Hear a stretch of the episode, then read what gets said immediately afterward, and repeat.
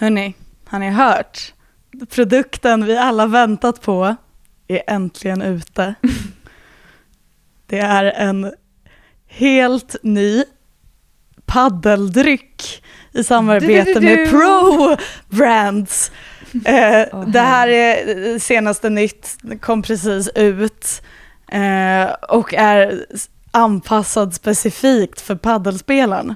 Vad känner ni? Ja. Är ni taggade? Ja, ja, men alltså det är ju lite som att man har väntat eh, på det här i hela halva sitt eh, liv. Nej, men alltså det är ju ett skämt. Det är ju helt sjukt. Det, här, alltså, det, är, det, det är inte så att det här lanserades på första april, va? Nej, det här är sant. Nej, 7 april. Ja. Det står så här, vi har valt att göra en tidlös design som för tankarna till just racketsporten. Ja, men alltså det Mm. här, den här drycken då, som är då i samarbete med en världsstjärna inom paddel som jag inte kan ut Navarro, Navarro, ja, en spanjor gissar jag att det är, för det är stort i Spanien. Paquito. Paquito. Paquito Navarro. Ja, Paquito Energy-dryck är en funktionell dryck framtagen med just padel i åtanke. En dryck perfekt för långa paddelmatcher som både släcker törst med sin goda smak av hallon och granatäpple, ger en extra energikick med hjälp av koffein och förser kroppen med elektrolyter och en rad vitaminer. För att paddeldrycken verkligen ska passa alla, inom situationstecken, så är den Ja, även... varför är det citationstecken Mm. på det? Ja, då är den även vegansk samt utan tillsatt socker. Alltså det här är ett så stort skämt. På riktigt! Alltså, kom igen! Bara, nej men nu vill jag också ha en bänkdryck. Det här är alltså, det, om man, Mm. det här är alltså då... Med smak av kanelbulle. Ja, och nu vill jag bara så här vara tydlig här. Alla vi har ju inget emot så här, eh, Nocco och de här koffeindryckerna. Det är ju, jag dricker gärna det. Jag gillar koffein, jag gillar mycket koffein. Men alltså, när man då börjar ta fram funktionell paddeldryck, alltså då kan man ju känna lite så här att nu kanske det har gått lite till en viss överdrift.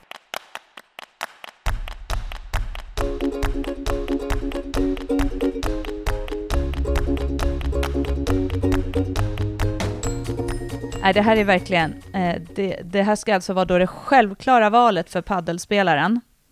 Mm, just det. Ja, men man ser också på den att om man är paddelspelare då, då gillar man blått, grönt och gult. Mm, men den är tidlös. Mm.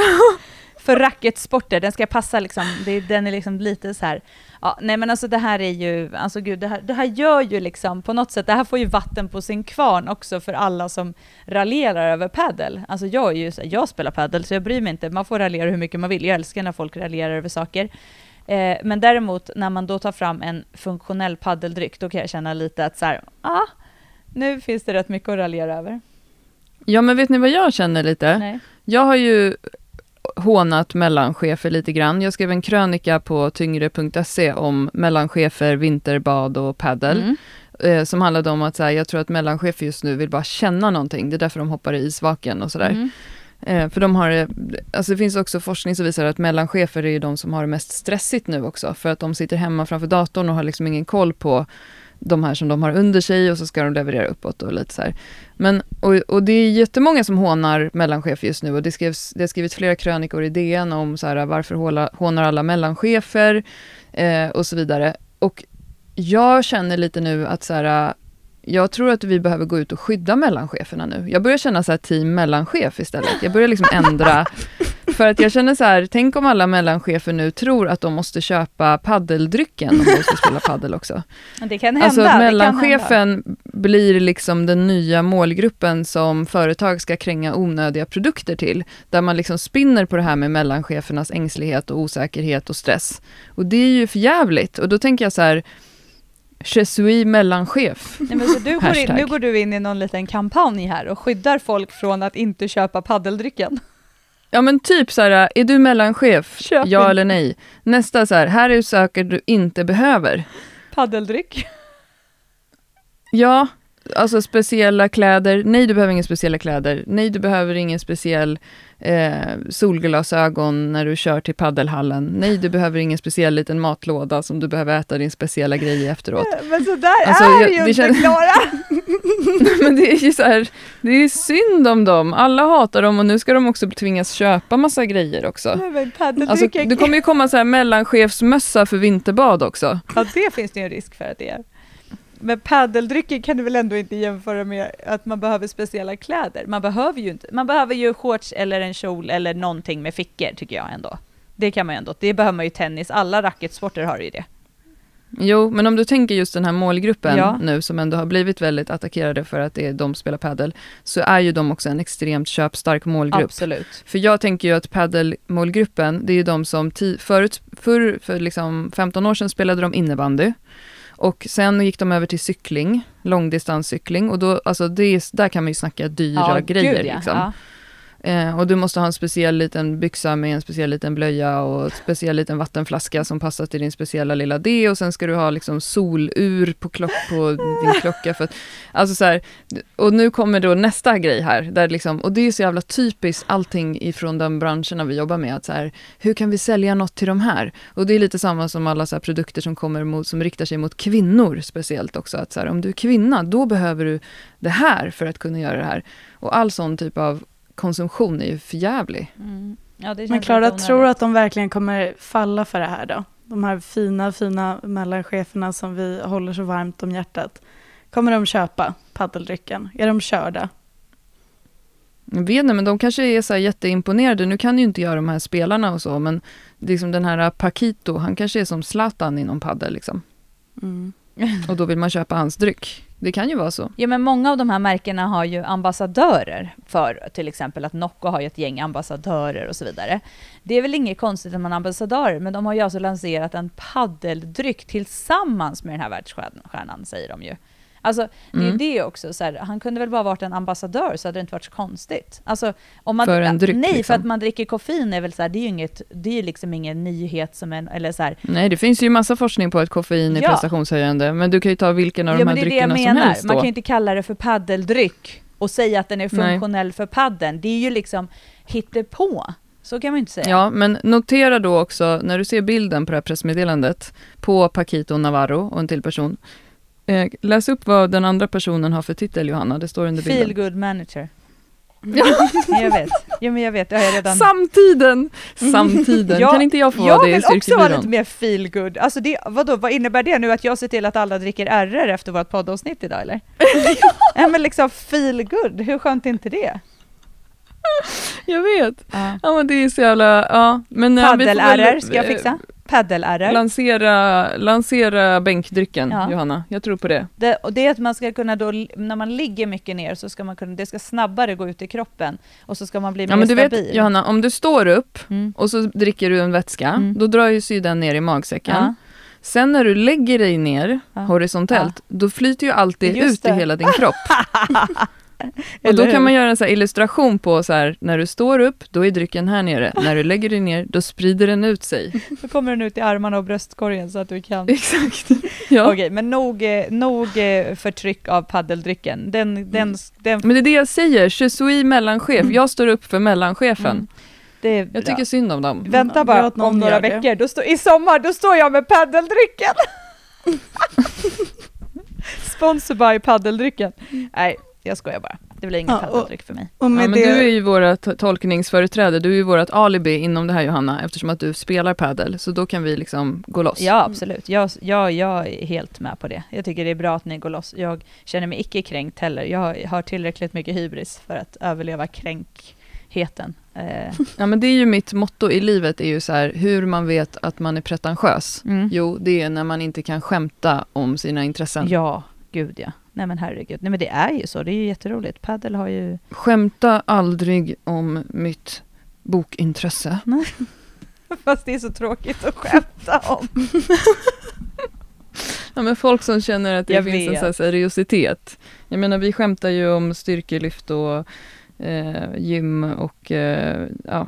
och med det sagt, köp vårt program för paddel. Ja, precis.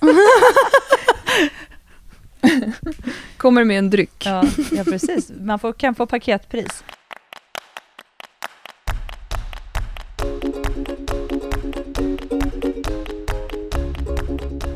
Nu tycker jag vi lämnar padden bakom oss och låter eh, alla få spela padel i lugn och ro. Eh, och dricka eh, koffein om de vill det, eh, även paddeldryck. Eh, om jag säger pandemiröv, vad säger ni då? Dead butt syndrome. Vad är nu detta uttryck för någonting? Jag hörde om det på radio häromveckan. Jag är så gammal nu för tiden så att jag lyssnar på Nordegren och Epstein i P1. Mm, det är gulligt. Eh, och då pratade de om en artikel i, på NBC, tror jag att det var, som har sammanställt, och det ska vi inte prata om i dagens avsnitt, men de har sammanställt massa forskning och så här, eh, som visar på hur folk mår efter pandemin. Och det var allt från så stress till alkoholkonsumtionen har ju gått upp och såna här grejer. Men då pratade de bland annat också om dead butt syndrome. Dels är det ju det vi säkert redan förstår, det är ju viktökning på grund av stillasittande och alla stängda gym. Ja. Och rygg och nackproblem. Sen är det ett nytt uttryck som heter dead butt syndrome. Kan du, ja, alltså ja, det, död rumpa? Död rumpa. Ja. det, vad utmärker det, jag den inte. diagnosen? Men talar det till dig om du tänker dead? För jag tyckte nog att det kändes igen på något sätt. Förslappad röv? Kort och gott på skånska. Ja. Nej, men också man har suttit så mycket, det både sticker, ilar kanske och sen musklerna bara, tack för mig. Och sen bara den hänger. Just det tror jag inte jag lider av. Nej. Just, har, har du det? Nej, jag, symptom har jag. Mm. det är så jävla... Ja, nej men så att eh, det är ju ingenting som eh, som bara dyker upp ur tomma intet. Att många känner sig lite oroade av sin röv. Och det här med dead butt syndrome är ju då tydligen en diagnos som man har pratat om länge inom fysioterapin. Och det är ju när man liksom blir inaktiv, inaktiv i gluteusmuskulaturen, vilket kan orsaka eh, ländryggsmärta. Och i vår bok, Rumpboken, så finns det ju ett avsnitt som handlar om eh, ländryggsmärta och lite sådana saker kopplat till just röven. Och nu är då röven lite extra illa ute här för att det är många som har ändrat sin livsstil under det här senaste året. Ja, och det är väl därför den också, det också har kommit upp till ytan som något lite så nytt syndrom. Det har väl just med att göra den här och varför vi kallar det pandemiröv. För att man helt plötsligt är så sjukt mycket mer inaktiv och att man sitter mer och inte rör sig mellan möten eller till och från jobb eller liksom, ja, man är helt enkelt mm. mer stillasittande. Eh, vilket inte är så bra för våra rövar. Nej, men jag tänker också att det, det blir ju så här, jag vet att vi spanade i något avsnitt för ett tag sedan om att eh, det kan ju vara också så eh, att de som också har varit ganska aktiva, alltså de som har tränat mycket innan pandemin och så också, de ligger ju också lite så här i farans riktning med att få skador och sånt eh, under pandemin, ifall det är så att de har ändrat sin vardag väldigt mycket. För att går man på gymmet och typ lassar på som vanligt, men sen har man ändrat hela sin vardag i form av att man inte rör sig så mycket, så är det också, blir det också en ökad belastning som man kanske inte eh, klarar av. Alltså man har inte hållfastheten för att klara av samma typ av nivå på gympassen som man gör annars. Och det är ju något som man inte tänker på så ofta när man är eh, en då tränande person. Och det var en kille som skrev till mig på Instagram förra veckan faktiskt, att eh, han hade vaknat av smärtan i höftböjarna innan väckarklockan ringde. Eh, och det var efter att han hade gjort ett nytt 5RM i frontböj och sen hade han suttit ner i sex timmar. Mm. Mm. Eh, och det är väl lite det som händer, alltså då, för, för oss som tränar tänker jag, att man inte tänker att man är i farans riktning för att man ändå gör det. Men just kombinationen av mycket stillasittande och för tuff träning kan ju också eh, liksom skapa problem. Ja, för att man inte har den rörelsen man är van i med. Mm. Ja. Och sen en annan form av pandemiröv som jag kan relatera till, kanske inte du då Lydia, men du Johanna, det är ju också det här med eh, postgravidröv. Alltså vi brukar ju skämtsamt prata om det när vi håller i workshops om eh, träning, att var, varför man efter att man har haft en graviditet helt plötsligt upptäcker att röven hänger ner mot knäna, eh, eller baksidan på knäna då, eh, bara, är ju för att är ju för att eh, tyngdpunkten har förändrats under nio månader. Man har gått och varit jäkligt eh, framtung, vilket gör att många får en helt annan hållning och tyngd, liksom, och sen så också att det blir svårare att använda baksidan. Så det är en sån grej som vi alltid brukar rekommendera gravida eh, träningskunder, är ju så här, lägg mycket fokus på baksidan, för du kommer inte ha lika lätt att att vara aktiv där. Eh, och det brukar ju då synas rent fysiskt, vilket brukar vara inte så peppigt där när man så här, äntligen är jag klar med min graviditet. Aha, då hänger röven här. Ja. Det finns alltså en fysiologisk förklaring på det, eh, som då kan vara lite deppig. Ja, men den, den går ju som sagt och eh, träna upp igen. Eh, det är bara att man får jobba, jobba på helt enkelt. Japp. Men eh, ja, så är det. Så nytt, det är för många säkert ett nytt begrepp som de stöter på nu, dead butt syndrome. Det låter eh, mm. peppigt ändå. Men vi fick väl en, vi, fick, vi har väl fått en lyssnarfråga om pandemiröv? Ja, om röv. Veckans rövfråga. Eh, jag läser den. Hej Styrkebyrån, mm. jag har en fråga. Jag vet att ni inte kan ge individuella råd, men tänker att fler undrar och att ni kanske kan svara generellt eller bara killgissa och sen en smileys. Skulle gärna vilja höra era tankar i frågan. Alltså rumpträning, måste man göra annat än typ marklyft och knäböj? Älskar de övningarna men blir förvirrad av alla influencers som gör tusen olika övningar. Jag vill ha en stark och redig röv på grund av snyggt, jag vet ibland får utseendet också ta lite plats, och jäkligt bra i mark och böj. Hur ska jag tänka? Tack för allt ni gör, ni är bäst. Kram! Vad säger vi om rövträning och eh, eh, tunga övningar versus eh, gummibandsövningar eh, och olika typer av eh, aktiveringsövningar och så vidare som vi kallar det. Mm, ja men till exempel du Lydia, när vi träffades fysiskt sist så sa jag jävlar vilka spiror till mm. dig. Eh, berömde dig för din atletiska muskelkonstitution och tyckte att du såg jävligt cool ut. Mm. Och, och du är ju i det här gänget den som knäböjer och marklyfter mest just nu.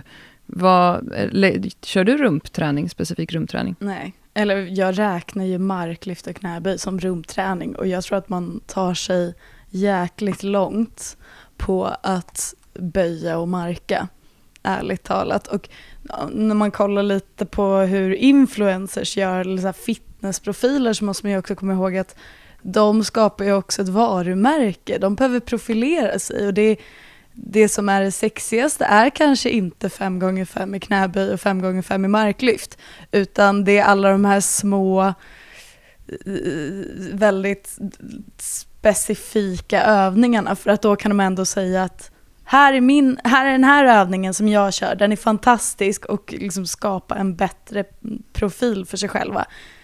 Eh, och det är ju samma sak med PTs tänker jag lite, att vissa gillar att jobba med ganska udda övningar för att förvirra lite och också öka konsumentens behov av de, dem.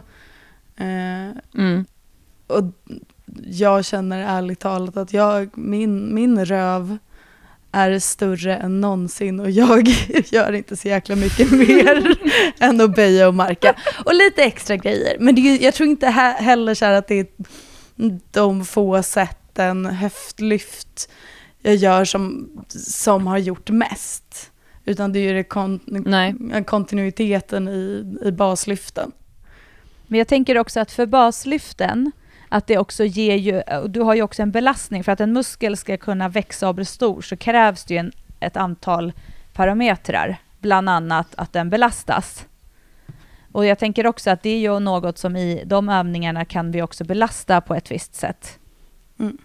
Ja, jag tänker också som du säger Johanna, att det är lite som den här, äh, som en så här behovspyramid. Att så här, vad är det du vill bli bra på? Ja, men den som ställer frågan är, vill bli bra på knäböj och marklyft, eh, men vill också ha en, en stor röv. Och sen handlar det om så här, hur mycket tid man har på gymmet. Därför att en generellt träningsprogram eller träningsupplägg är ju så här, eh, man kanske gör någon typ av prehab eller rehab eller någonting för att man har någon skada, så man tar hand om någon liten muskel, man kanske har dead butt syndrome, vad vet jag. Eh, och sen så jobbar man med styrka för att man vill bli starkare. Och sen så beroende på hur mycket tid man har och hur mycket man prioriterar det så lägger man in hypertrofi för specifika muskelgrupper, precis som för alla andra muskelgrupper på kroppen också. Typ biceps, typ eh, rumpan då, om det är den som man vill liksom kötta lite extra. Men allting beror ju på just som sagt, vad är ditt mål och hur mycket tid har du? Ja, och jag tänker då, när, om man då pratar om sådana här specifika, som vi kallar dem, influencersövningar, med mycket så här gummibandsövning och höftlyft och pump och så vidare, att eh, man får också tänka på att så här, de gör ju förmodligen också, om man nu får en rumpa som växer, så gör man ju tyngre övningar också.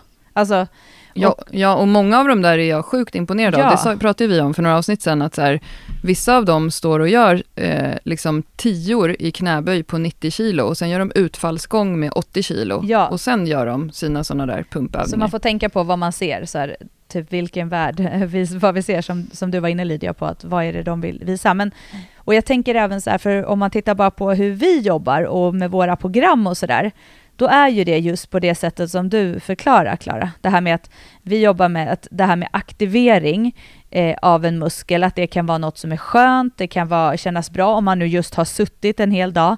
Att det är så här, istället för att bara gå in och direkt böja, det är ingen som säger att bara för att du gör det så kommer du skada dig. Alltså det säger inte vi heller. Men om du har en skada så kom, finns, är det här övningar som du kommer kunna jobba med. Till exempel höftlyft med gummiband och sidosparkar och så vidare. Och vi kommer in på det också när vi ska prata lite mer om rumpan och hur eh, den, de riktningarna som just musk, muskulaturen eh, rör sig i och tränar. Alltså att, att eh, det finns ju vissa syften med vissa delar, men det är ingen som kommer att säga att om du gör så här mycket sidosparkar så kommer du få en redig mediusmuskel.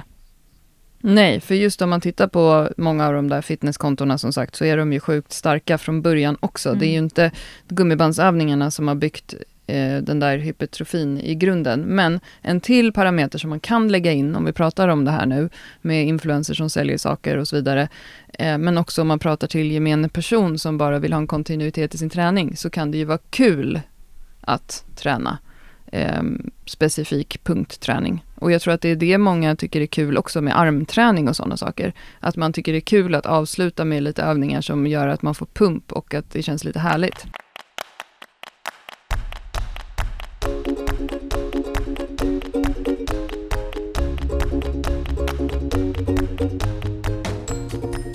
Men eh, våran röv då? Vad har vi där egentligen? vad, är det för vad, har vi på röven? vad har vi på röven och vad är det för muskler vi tränar och, och vad gör de egentligen om vi ska gå in lite mer på liksom specifikt? Ja, ja vi tar röven. Men rumpan kallas ju också för sätesmuskulaturen och det är ju faktiskt kroppens största muskelgrupp. Det är också lite kul att veta. Eh, och det är primärt gluteus maximus, gluteus medius och gluteus minimus. Och funktionerna som Eh, rumpan utför, eller som de här muskelgrupperna utför, är höftsträckning. Då kan man tänka sig alltså utlåsningen av ett marklyft och det är främst gluteus maximus som utför det här, men även baksida lår och adduktorerna. Och sen att vi kan lyfta lårbenet utåt sidan, det kallas för abduktion och det utförs av alla de här musklerna. Och samma arbete krävs men åt andra hållet för att förhindra att vi typ ramlar ihop när vi står eller går på ett ben. Och sen så utåtrotation av eh, lårbenet och det utförs främst av gluteus maximus med bidrag av då medius och minimus. Men grejen är ju som sagt att så här, kan man knäböja eh, 100 kilo, då har man ju oftast inte något problem med att lyfta lårbenet utåt sidan eller att inte ramla ihop när man står på ett ben. Så det är återigen, man får gå till den här behovspyramiden. Eh, har jag ont någonstans eller har dead butt syndrome eller är liksom generellt svag eller nedsatt i det här området, då kanske jag behöver börja med att titta på vad det är som det inte liksom lirar. Men om man då vill eh, spexa till det lite och tänka att så här, jag vill köra ett rumppass för att bränna sönder skiten, eller för att det är härligt, då kan man tänka sig att man gör, man gör alla de här tre belastningsriktningarna i sin träning, typ en tredjedel av varje. Alltså eh, övningar med vertikal belastning, till exempel knäböj, alltså man har vikten eh, ovanpå kroppen och sätter sig och ställer sig upp. Och en tredjedel övningar med horisontell belastning, till exempel höftlyft eller hip thrust. Eh, eller, och en tredjedel övningar med då lateral eller utåtroterande belastning, som till exempel såna sittande abduktioner, gynstolen som det brukar kallas på gymmet, men också då eh, utfall. För där jobbar vi också med eh, utåtrotation och lateral belastning. Mm. Så vill man göra det lite, lite skojigt och verkligen maxa rö rövträningen så kan man jobba i alla eh, belastningsgrader. Men då är det ju återigen, som vi var inne på, vad är ditt syfte? Alltså, för mm. att återgå till frågan så är det så här, har du inga problem, fortsätt böja och marka. Eh, som sagt, ett sätt kan vara att lägga in lite i din uppvärmning om du vill göra något eh, annat eller att, du vill, att det är något som du känner finns en viss tendens till problematik. Ja, och är du jättevinglig i en utfallsgång, för du känner att du inte har styrkan runt höften och rumpan att hålla dig stabil, eh, då är det ju kanske bättre att börja med knäböj, där du har två fötter i golvet och öka din styrka där innan du gör de här mer avancerade övningarna. Ja, och där tänker jag är faktiskt en sån som kan vara en liten missuppfattning för många, att man tänker att man inte är stabil, så då ska man dels jobba med instabila övningar, alltså du vet utfall, men också att man tänker att de här gummibandsövningarna ska hjälpa stabiliteten. Men mm. utifrån erfarenhet eh, med, med många kunder, som alla vi har, är ju att blir de starkare så blir de stabilare, vilket innebär att, som vi alltid tjatar om, bli stabil med två fötter i golvet för att sen eh, göra, addera eh, klurigare övningar. Bygg en stabil ja, så botten. du menar att man inte, man blir inte bättre på paddel om man spelar paddel med en hantel istället för en racket? Eller hoppar i sidled med ett gummiband mm. runt knäna? Nej, det blir man inte. Eh, stabil, eh, stabil är bra. ja, det är bra. Sen, så, sen vet jag som sagt att eh, har man en problematik, eh, till exempel knäproblematik, så kommer man få olika typer av aktiveringsövningar för sätet, eh, eventuellt. Om man går till exempel mm. och tar hjälp. Så det är inte så att det hittar på övningar, men man får tänka på vad syftet för övningarna är. Mm. Ja. Men det tycker jag också är intressant, för att man pratar ju mycket, eller mycket och mycket, men man pratar mer och mer om att sätet spelar en stor roll i liksom när det kommer till knähälsa, höfthälsa, rygghälsa till och med. Men något man inte pratar lika mycket om känner jag är just funktionen som sätet även har, vilket är att stabilisera benet när man står på ett ben.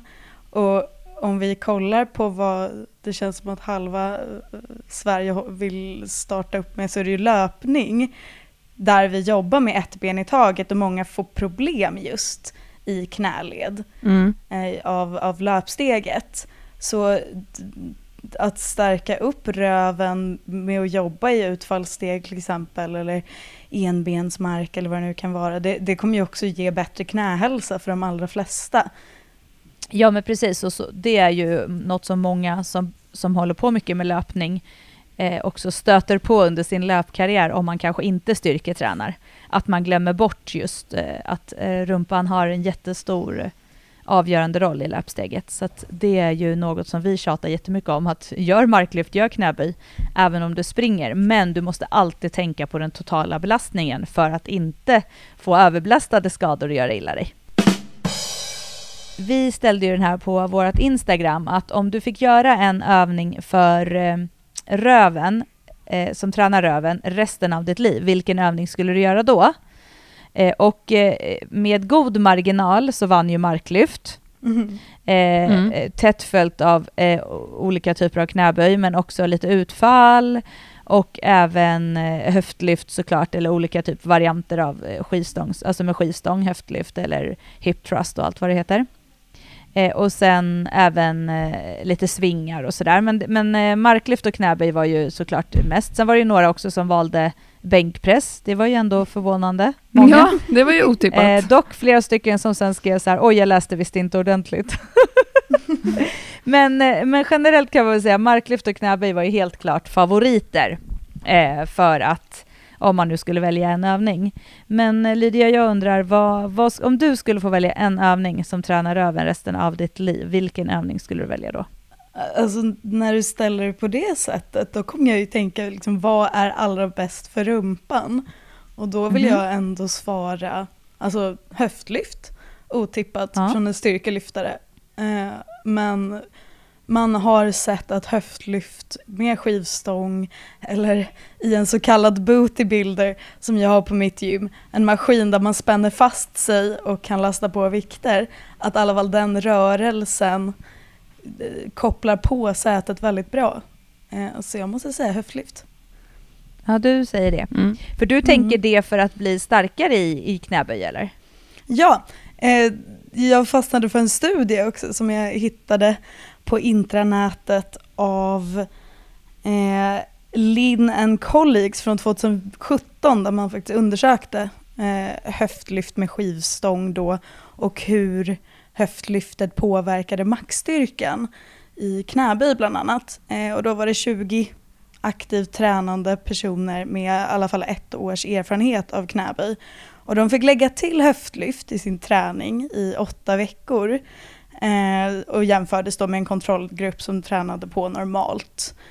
Eh, där testade de sitt RM, ett RM, både före och efter den här åtta veckors perioden och man såg att de hade förbättrat sitt max i knäböj med över 30 procent. Och det tycker jag är svinhäftigt, det här hade jag ingen aning om.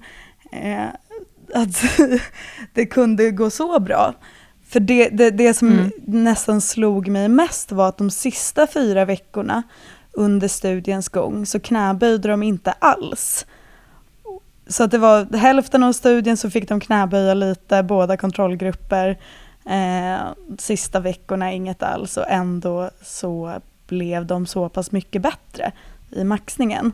Mm. Eh, jag blir jättesugen själv på att lägga in mer höftlyft efter jag läst den här. Och det här var även liksom en, egentligen, jag ska inte kalla det för en upprepning av en tidigare studie, men den var inspirerad starkt av en studie där man mm. jämförde vanliga knäböj med stången där bak och höftlyft, eh, där man kikade muskelaktivering.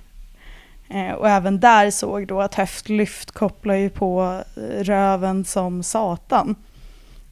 Ja, jag såg också i den här studien som du pratade om med höftlyften att de, de jobbade om med så här 20, 15, 12, 10, 8, 6 reppare mm.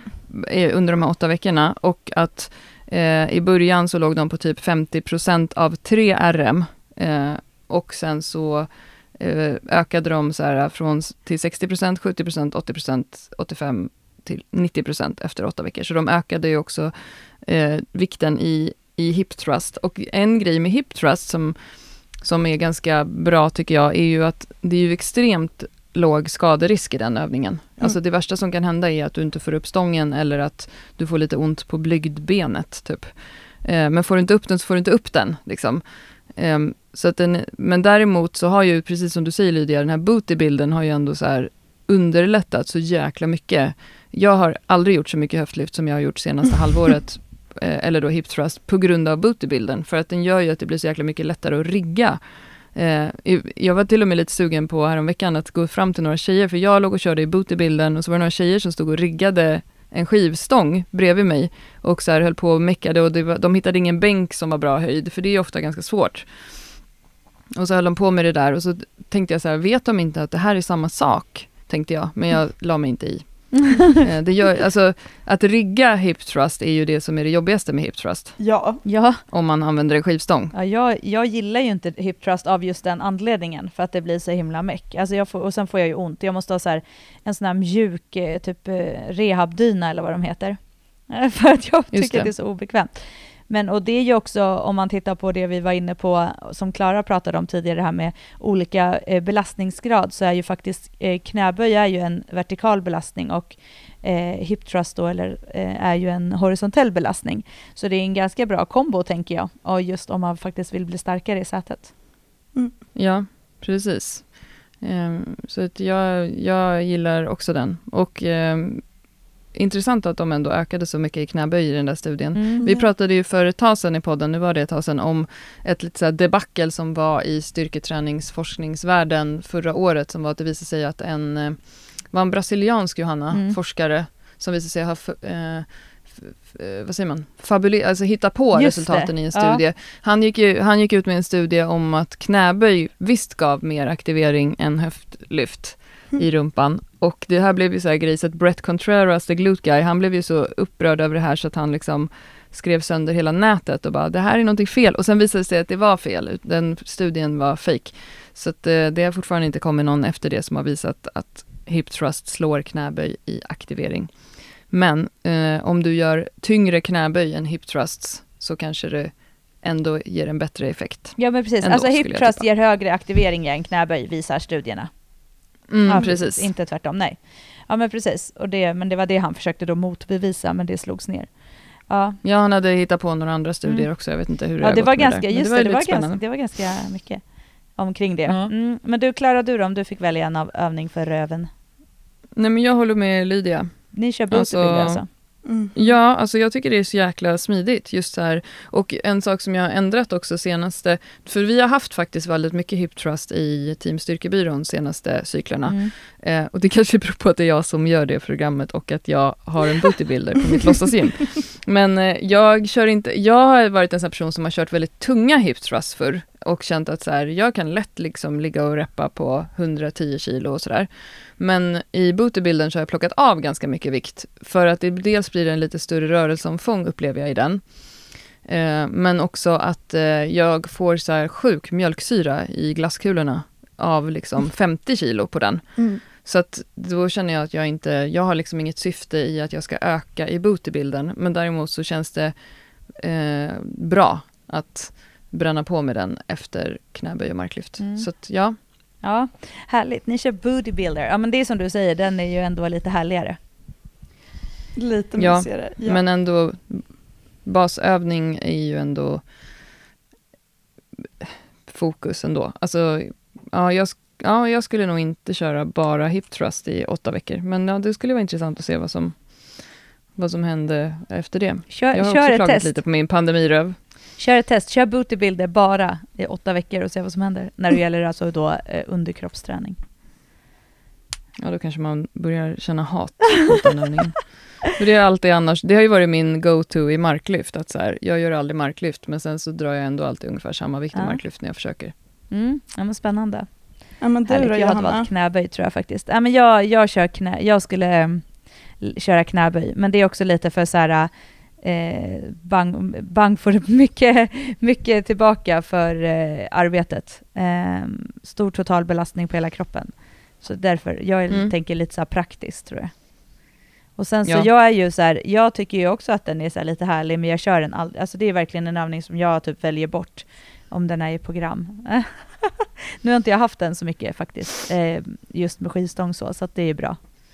Eh. Jag har liksom aldrig, eller aldrig ska jag inte säga, men på många år tränat så här mångsidigt som jag gör just nu på grund av pandemin. Så jag känner mig ju just nu i alla fall i väldigt så här generellt bra atletisk form och det är ju på grund av att jag också tränar hemma och jag har ändå ganska tunga vikter hemma. Eh, så att jag gör ju liksom svingar, Bulgarian split squats, höftlyft med band, enbensmark, alltså en till två gånger i veckan. Eh, och det har jag ju faktiskt, jag menar både du och jag Johanna måste vi ändå erkänna att vi har ju haft långa perioder under vår träningskarriär då vi bara har böjmark bänkat. Ja, alltså jag skulle eh. säga att det är det generella jag har gjort. Alltså det är det jag har gjort hela tiden. Ja. Så, så lite böj, bänk och mark som jag har gjort det här året, alltså det är ju in, ja, eller halvår, senaste halvåret skulle jag säga, första halvåret körde jag ändå. Det är ju liksom, jag, tror, jag vet inte ens när jag tränade så lite, den typen av alltså så här lite av böj, bänk, mark som jag har gjort nu.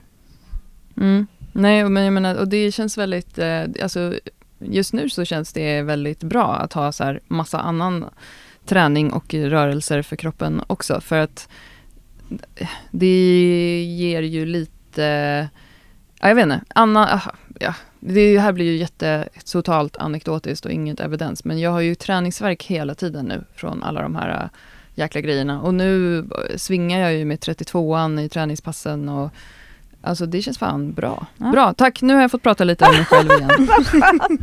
det är så skönt också att du drar upp träningsverk som ändå är ett bevis på att du tränar bättre än någonsin Klara, eller hur? Exakt, ja men det jag menar. Ja, men det, det, det bara slog mig häromdagen att så här, fan jag har ändå ändrat min syn på min träning väldigt mycket senaste bara månaderna till att så här, förut så kunde jag känna att de här hem, alltså den här typen av hemmapass och sånt, det var ju så onödigt, för det var inte det jag ville fokusera på. Jag ville ju göra knäböj liksom. Eh, men nu känner jag mig lika nöjd efter ett sånt här pass, 45 minuter med live-träningen, som efter ett pass på gymmet också. Och det gör ju att hela veckan känns rätt skönt, för det är så tidseffektivt och jag känner att kroppen, jag går hela tiden runt som sagt och har träningsverk. Och det, bara det är ju lite nice ja. faktiskt. Men sen också liksom utifrån, det är också att du har ju en total, din totala träningsmängd blir då större när du kör de här passen också, än om du bara då skulle välja de här gympassen. Alltså, mm. så att, och just att du kan göra lite mindre inom situationstecken övningar, eller lite så lättare övningar hemma, fast det är fortfarande övningar där du har en bra vikt liksom. Men sen, tänk, ja, men. Och sen tänker jag också framförallt att hela ditt mindset, alltså just så här, vad är mitt mål? Ja men målet är typ att gå runt och vara skön och ha typ och vara genomtränad tänker jag. Jo men någonstans så hamnade väl du också i det här ja. att så här, ja, ja det kanske inte blir lika mycket och långa pass på gymmen, men det här är Alltså många av de övningarna jag gör hemma blir istället för kanske massor med assisterande övningar på gymmet. Att så här, Exakt. det blir ett jättebra Jag skulle aldrig komplement. göra de här passen annars. Nej. Om det inte var så att jag skulle träffa andra personer på Zoom och göra dem. Nej. Alltså så är det ju bara. Och det är härligt att det har blivit så. Ja, men, och, men den här veckan har jag kört två sådana pass på Zoom och då har det inte blivit eh, eh, lika många, det blir inte lika många gympass den här veckan, men det är bara skönt att inte bry sig om det också. Mm. mm. Ja, nu kom det in lite så här uh, tacka livet-aktigt också. Men, tacka men, livet, men, tacka livet, det var ändå fint tycker jag. Ja, men Lydia, av ren nyfikenhet, hur många liksom, assisterande övningar har du som inte är en marklyftsvariant, en knäböjsvariant eller en bänkvariant i dina program? Faktiskt flera. Uh, det är mycket typ triceps och prehab för axlar. Men jag får göra benspark också, vilket är underbart. För jag har ju inte fått bensparka, mm. eller fått och fått, det är ingen som har förbjudit mig. Men jag har inte valt att bensparka, för jag alltid har känt att det är lite av en, gud, töntövning. Usch, vad taskig jag är.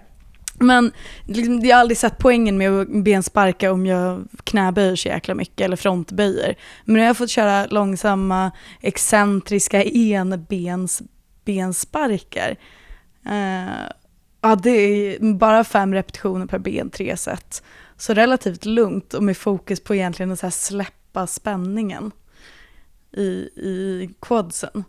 Jätteskönt. Uh, vad var det det din fråga var?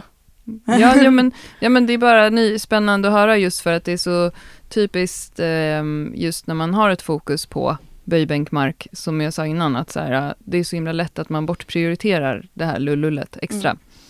Mm. Eh, för att man har, det är långa pass och det är mycket tid på gymmet och det blir ändå så här, det är därför man går dit. Så, mm. så det är bara intressant att höra att du som tävlar ändå kör lite annat också. Ja, men alltså ärligt talat. Men har du bootybilder i programmet? Nej, det har jag inte. Jag tänker klaga. jag vill gärna ha det. Mer bootybilder! Ja tack. Men det som, jag kan ju vara ärlig och säga att den här veckan har varit jättetuff att få, alltså, få träningen gjord. För att jag har så jäkla mastiga pass. Liksom två pass i veckan, då kör jag alla tre styrkelyften plus låt oss säga fem, sex övningar efter det. Uh, och då har jag, mm -hmm. ja, och det var väl okej första månaderna, men nu, liksom, det har börjat suga musten ur mig helt. Så nu är det, liksom, det känns så mm. himla nästan överdrivet att göra något mer efter liksom, två timmars tunga skivstångslyft. Så där är jag lite... Du kommer bli den här personen som tar med matlådan in i gymmet. Ja, fy fan. Jag vill inte. För att passen är så långa så du behöver ta en lunchpaus. Då kan ju du ha den speciella, vad heter det, bänkmatlådan. Den kan man nämligen Just ligga det. och äta ur.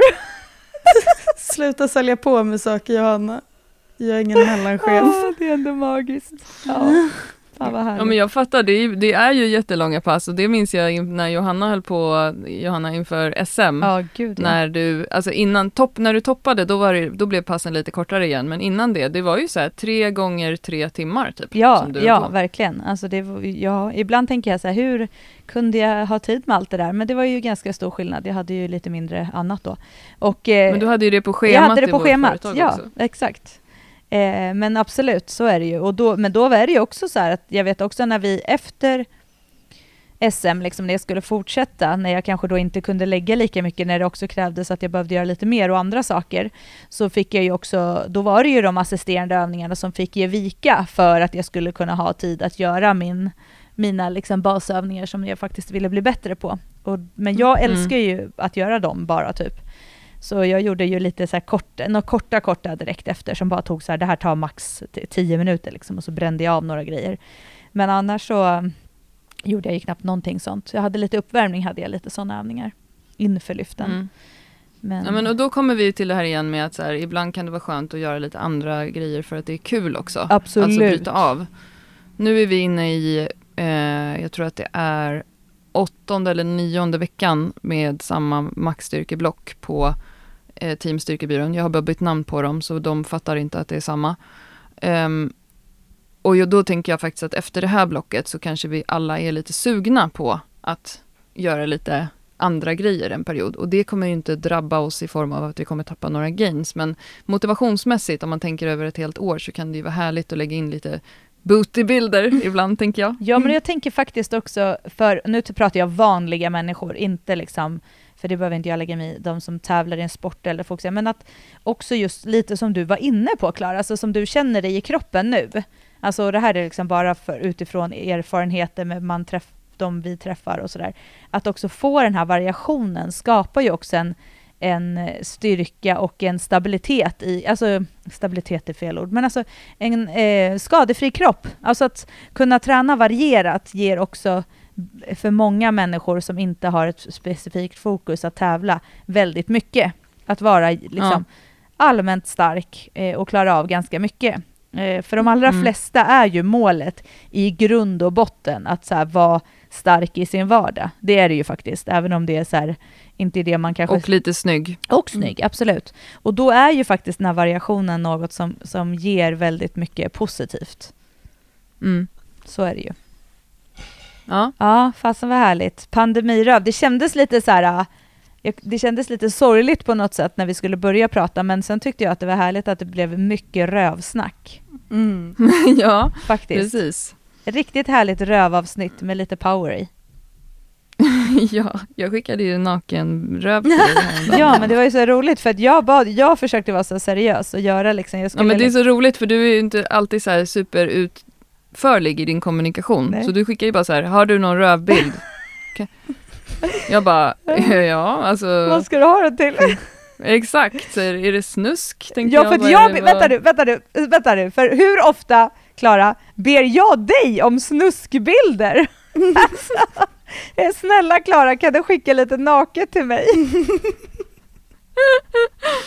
Avslöj 2021 avslöjande, Johanna skickar, trackar sin partner. Nej men alltså grejen är att så, det var ju så här, jag satt och tänkte att nu ska jag göra lite content här och vi ska prata om röva, jag ska ställa lite frågor. Och så, så liksom la jag upp lite så här. och sen så bara så tänkte jag så här, men grejen är att jag tror jag tänkte också så här, jag fattar att du inte fattade, för att du var ju inte inne i det jag gjorde. Eh, och jag eh, tänkte att nu ska jag göra lite nytta här. För att du är typ chef annars på alla sociala medier. Eh, ja, i alla fall. Och då tänkte jag så här, nu jäklar. Och då skulle jag vara bara så här, be dig att skicka en bild, för jag vet att du hade så några bra. Och då tänkte jag ju så här, att du har redan sett vad jag håller på med. Så så tänkte jag, så du visste typ vad det var jag skulle ha det till.